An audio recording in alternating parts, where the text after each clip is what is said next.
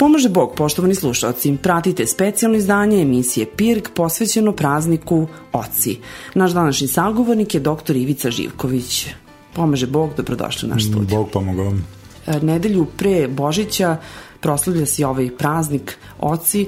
Ranije smo govorili i o prazniku Detinci i prazniku Materice. Evo došao je trenutak da progovorimo i o prazniku Oci.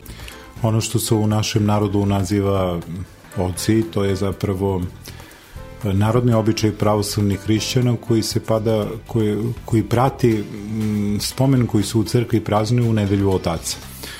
Nedelja otaca kao i pre toga nedelja pravotaca u crkvi, dakle u bogoslužbenom krugu pravoslavne crkve u ovo doba godine, u periodu pripreme za praznik rođenja Hristovog, služi da bi da bi pravoslavni narod postepeno pripremio i sebe i čitao i svet zajedno sa sobom za dostojno obeležavanje praznika rođenja Hristovog, sećajući se na Hristove pretke, odnosno oce, pretke po telu, u bukvalnom smislu, dakle, pretke njegove majke, preste Bogorodice. Porodice pravoslavnih hrišćana koncentrišu se na ulogu oca, unutar porodice, dakle otac je onaj koji je tu zajedno tog, tog dana daruje svoje ukućane, svoju decu.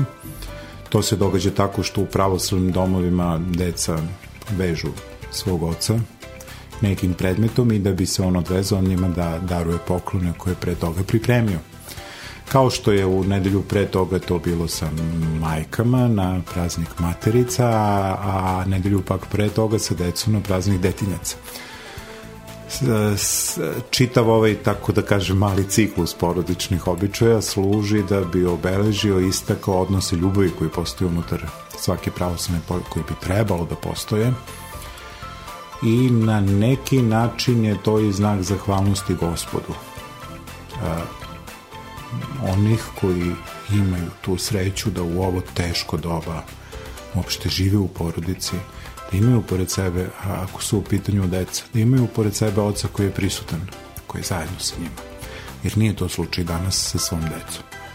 I nije lako očuvati porodicu nikome u naše doba, pa čak ni pravoslavnim hrišćanima.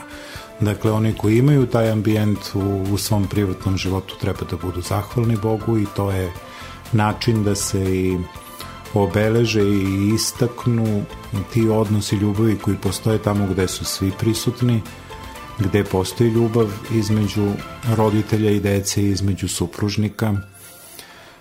Dakle, to je način kako da zahvalimo Bogu ukoliko smo deca za tu činjenicu da, da Otac postoji, da je tu, da je prisutan sa nama, da nas čuva, da je još uvek ima snage da nosi tu ulogu oca porodice. U savremeno doba, dakle, radi se o ulogama koje su po mom mišljenju mnogo teže nego što je to bilo nekada. Mi više ne živimo u patrijarhalnom društvenom uređenju, čak ni porodice pravoslavnih hrišćana, iako ima mnogih koji sa simpatijama govore o, o toj prošlosti našeg naroda, ja mislim da nigde u svetu više to nije aktuelno, niti se pak može spro, lako sprovoditi u naše vreme, pitanje da li bi i trebalo, jer su patriarchalno uređenje imali i svoje loše strane, odgovornost žene i odgovornost dece je bila potisnut u drugi plan vekovima pre nas, dakle e, postoji razlog zašto to u našem društvu više nije tako. Ja mislim da se od ljudi novijeg doba očekuje mnogo više odgovornosti, mnogo više jasnih odnosa, mnogo više poštovanja prema drugima i unutar svoje porodice. Dakle, ako hoćemo da gledamo sa te pozitivne strane, savremeni čovek je pozvan na veću odgovornost nego ranije i upravo je to razlog zašto je danas teže živeti u porodici, okupiti, sačiniti porodicu pre svega, očuvati je i posle mnogo godina. Uloga oca je izuzetno zahtevna, to što on daje, što je on nekada bio glava porodice, danas je bračni partner i partner čak i sa svojom decom unutar unutar porodice u kojoj vladaju odnosi ljubavi, ali na jedan, kažem, koji se sada reflektuju u drugačijim društvenim uređenjima nego što to bilo nekada. Po mom mišljenju zahteva mnogo više, da otac očuva svoje dostojanstvo, da da pun prostor svojoj supruzi i majci svoje dece, ne radi se tu o ravnopravnosti, dakle tu se radi o što se nas pravoslavnih hrišćana tiče o istinskoj, autentičnoj ljubavi koja tu treba da postoji. Dakle, položaj žene i položaj dece takođe uvek to treba jedno i drugo navesti.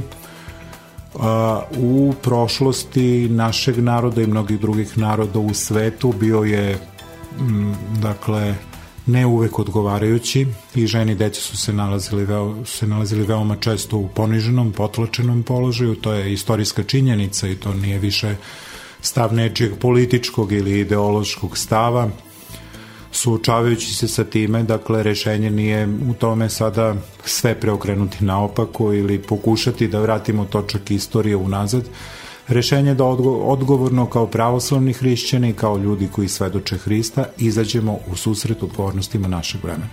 Mislim da sam već i dosta govorio sa ove strane o ulozi oca i o odgovornostima položaja oca u porodici, jer je to tema koja se ni u nekoliko sati ne može ispričati. Mnogi su pre mene govorili o tome, mnogi su danas i uznemireni time, zato što strahuju za sudbinu i za budućnost i svojih porodica i uopšte u svom narodu i u društvu i u čitavom svetu.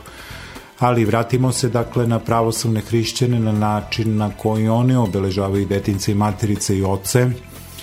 A, tim vezivanjem, darovanjem, dakle oni prosto iskazuju svoju radost zbog zbog te ljubavi koje postoji između njih.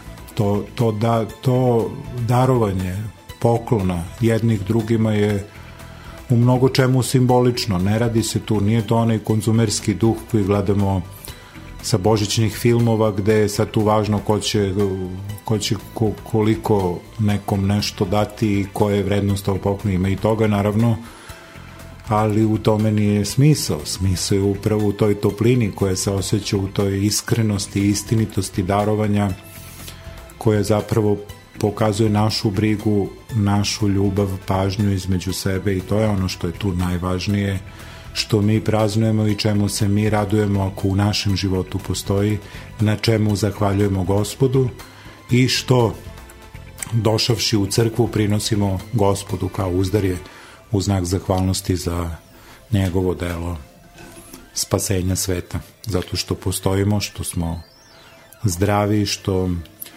i što još uvek imamo mnoga dobra koje od njega dobijamo. Možda najveći problem sa filmovima koje ste nekoliko puta pomenuli, možda je bilo dobro da se osvrnemo na njih i tamo se daruju neki lepi simbolični pokloni i tako, sve idealno i lepo.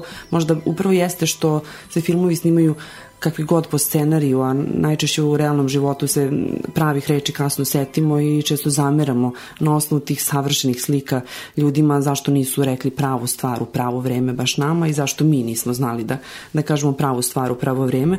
Pa eto čisto da e, razmišljamo i o tome. Ovo je zaista prilika i više puta smo nekako rekli božićni praznici su generalno e, ra, najradosniji praznici za ljude, posebno svi običaji koji se u našem narodu poštuju, posebno se tim praznicima raduju najmlađi, ali ne treba zaboraviti činjenicu da neki od ovih praznika, možda ni jedan od ovih praznika, mnoga deca i mnogi ljudi neće slaviti na način kako e, mi kažemo da bi to trebalo i kako je po tradiciji, a i upravo iz razloga koje ste naveli, verujem da teška pitanja u tom smislu postavljaju i vaši đaci u e, Jeste, školi. mnogo je, mnogo je učenika sa kojim se ja susrećem, mnogo mojih prijatelja, dakle, sve su to deca, oni ne mogu, imaju, i treba se zato i njih setiti, čak i na te dane kada su i materice i oci, treba se setiti mnoge dece iz savremenih porodica, koje, te dece koju samohrane majke odgajaju, dece koji su i Božjim promislom ostali bez jednog od roditelja koji više nije u životu.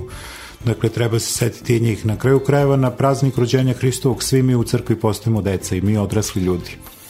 I mi smo od gospoda dobili zapovest da se uzdignemo i budemo kao deca, da, tačnije da se ponizimo kao jedno od ove dece da bi nas gospod uzdigao i uopšte taj naš duh tada svi postajemo isti jer tu je i gospod Isus Hristos se rađa kao dete i, i mi zajedno sa njim.